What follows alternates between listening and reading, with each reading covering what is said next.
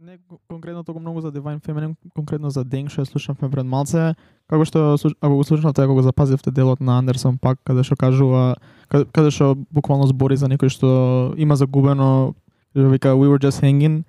Um, кога ако го слушнеш ова откако Мик Милер е, е умрен удира на некој посебен начин, но мене највеќе тоест повеќе од било кога ме удри на исто на концерт од истата турнеја што спомна претходно трајче на на Андерсон пак кога буквално па на некој момент запре забавата за мене запре концертот кога реши Андерсон пак да ја посвети оваа песна на Мик Милер.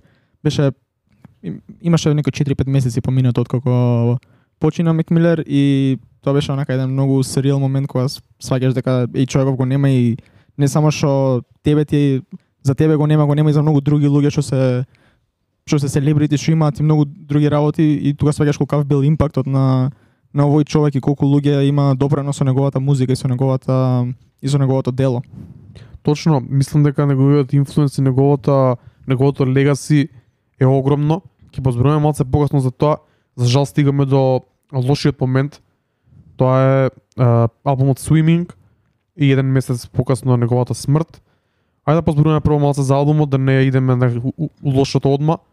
Па после ќе за жал мора да го спомнем и тоа. Трече кажи ми Што мислиш за свиминг? Како го во, во каков период од животот го слушаш и што значи тој за тебе?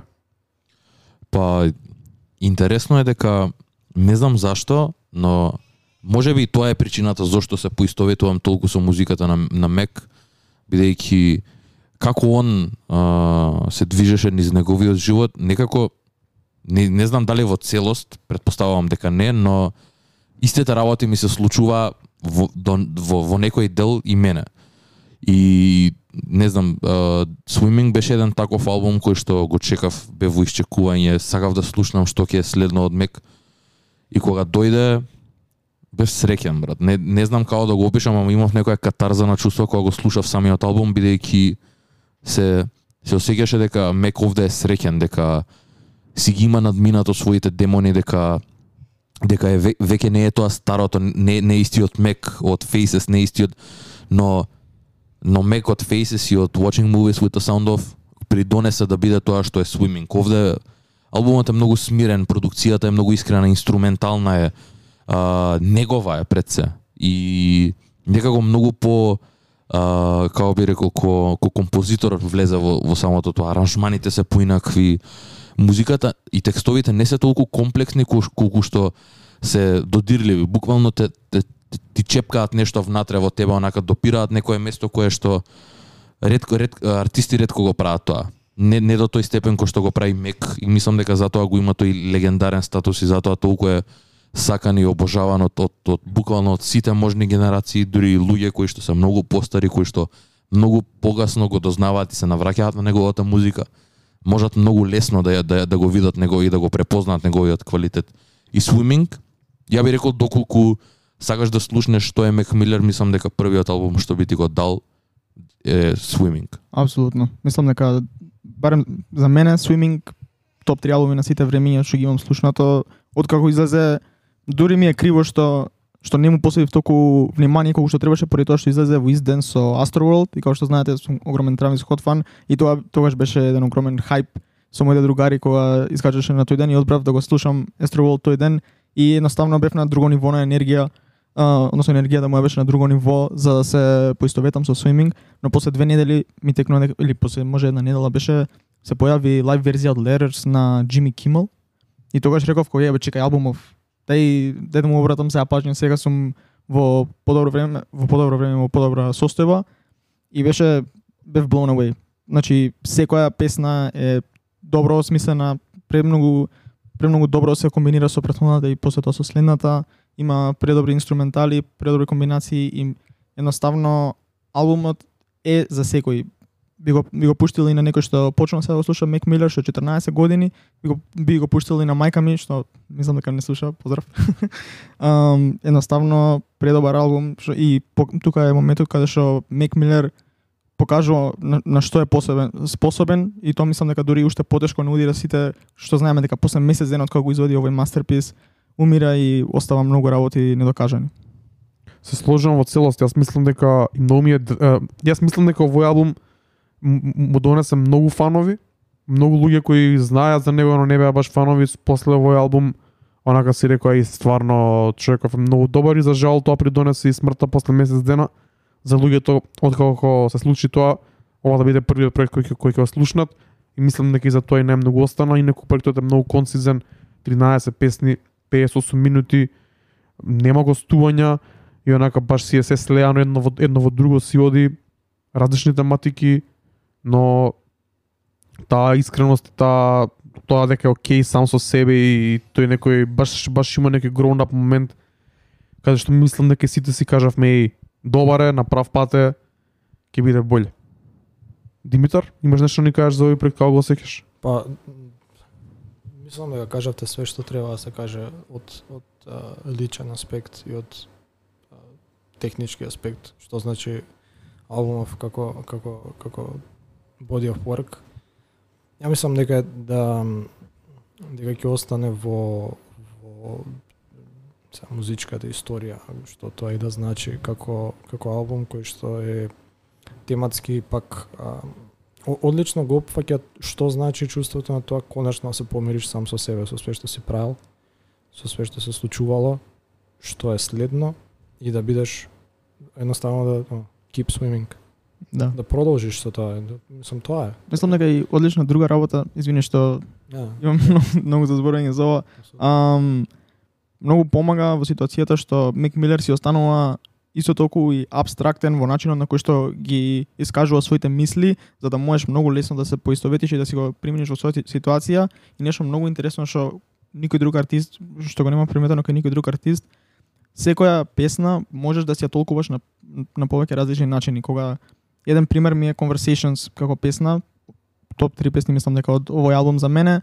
um, оваа песна, на, начинот на кој што е а, направена, може да се замислиш како Мек Милер се зборува сам на себе, има conversation сам со себе, има конверс... или може да го замислиш како он има conversation со тебе и ти ти кажува ти ти дава некоја мудрост, ти дава некој искуство, може да си го да си го гледаш како ти како сам со себе да си имаш conversation и има многу различни толкувања преку кои што можеш ти да го доживееш овој албум и тоа е мислам нешто многу ретко што само ако си доволно созран и талентиран артист можеш да го достигнеш. Затоа и го реков тоа дека доколку сакаш да го да го почувствуваш Мек Милер и све тоа што тој има направено низ неговата кариера, мислам дека Swimming е она буквално врвот кај што го достигнува, значи врвот на на на, на, на пишување текстови, врвот на продукција, се е едноставно, брат, иако е, иако е абстрактно, иако иако значи збори за многу теми и е многу интроспективен и ретроспективен, многу е лесно да се приврзаш кон него. Да, мислам дека е, е како што кажа Дарко Преска да се надоврзам, му донесе многу фанови, еден од нив е еден мој другар и тоа ја прави уште потажна работата што толку многу луѓе што се нови фанови го откриваат кога е на своето најдобро и се радуваат на тоа што нашли свој нов артист, на кој што може да се радуваат за следни албуми и после тоа им се случува имам еден добар другар каже што му се случи баш ова и ми рече како зашто ми го кажа Мек Милер како зашто вака ми направи пре, пре лошо се осеќам се секој пат кога го слушнам Circle, си- кога го слушнам Swimming, кога знам дека ова е последното нешто што што може да се слушне од него и тоа е некој bitter sweet момент. Да, мислам дека и си се се се се што слушам веќе ми е bitter sweet момент, онака буквално со мек ми е цело време се радувам и у исти момент ми е онака што имам некој имам имам нешто у позадина што ме онака копка стварно ми е мака и ама неизбежно е тоа, но знам дека има уште музика, се надевам дека ќе слушнеме нешто поише од него. Да не забегувам многу тоа, мислам дека ќе се навратиме поише, сакам да зборим уште за swimming. Така да Дамилев, имаш нешто Мислам да кажеш? дека, мислам дека супер супер завршува бизарно малце, супер завршува кариерата на Мек Милер на на некоја а, добра, не знам, до, до, на у добар момент, колку и да звучи тоа чудно, сурово и така натаму и така натаму, завршува во, во не, не можам да замислам што би било после. Знаеш, не, не, не ми има логика. Ова е едноставно помирување со себе си. И, од кога се помириш со себе си, окей е све друго. Као, и, да го немаш овој момент, да се случеше тоа што се случи порано, еден албум порано, ќе беше нешто незаклучено, не, не, мислам, неодговорено, недоречено и ќе завршеше баш како кариера на секој друг артист кој што е, умрал прерано. овдека за жал и за среќа се едно а, кариерата му завршува на многу точен начин, на многу правилен начин можеби. Колку и да звучува бизарно, ама чувството е тоа.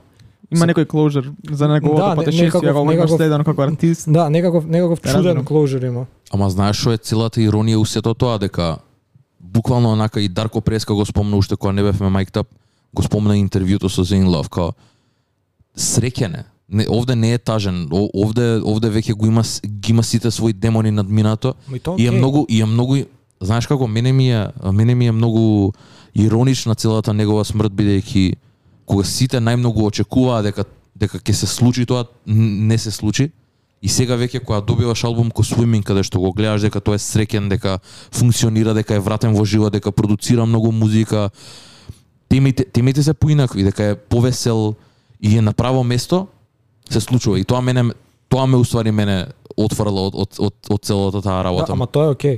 Значи, Да, не, ја те разбирам, само е иронично, Животот не е да. предвидлив. Као, Апсолутно. Не, не, мора да се секојаш на најниското ниво Јап. својот живот за да се да, да ти се случи нешто на, од таков. Факт. Сам- М- И- може би затоа ни е уште толку повеќе жал за, за него поради тоа што знаеме дека тоест сите осеќавме па дури и он дека го има предбродено најлошото Да. и на да. крај тоа му се случува, но се согласувам со тебе до некаде ако ако мора да бираш од минатото до сега момент кога ако би требало да умре Мик Милер, ова би било најдоброто време поради тоа што гледаме ние целосна еволуција на еден артист како дете рапер на 16 години што збори за журки доаѓа до до Swimming овој мастерпис каде што зборува за среќа и концепти како свое јас и да бидеш свесен во своето за за општеството и тоа е на некој начин едно од најубавите приказни што ја ги имам искусено во музиката.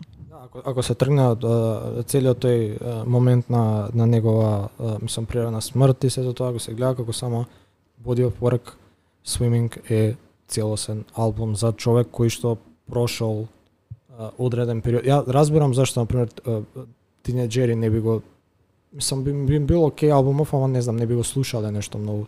Ја разбирам зашто мајка ми го, го поштоe албумот.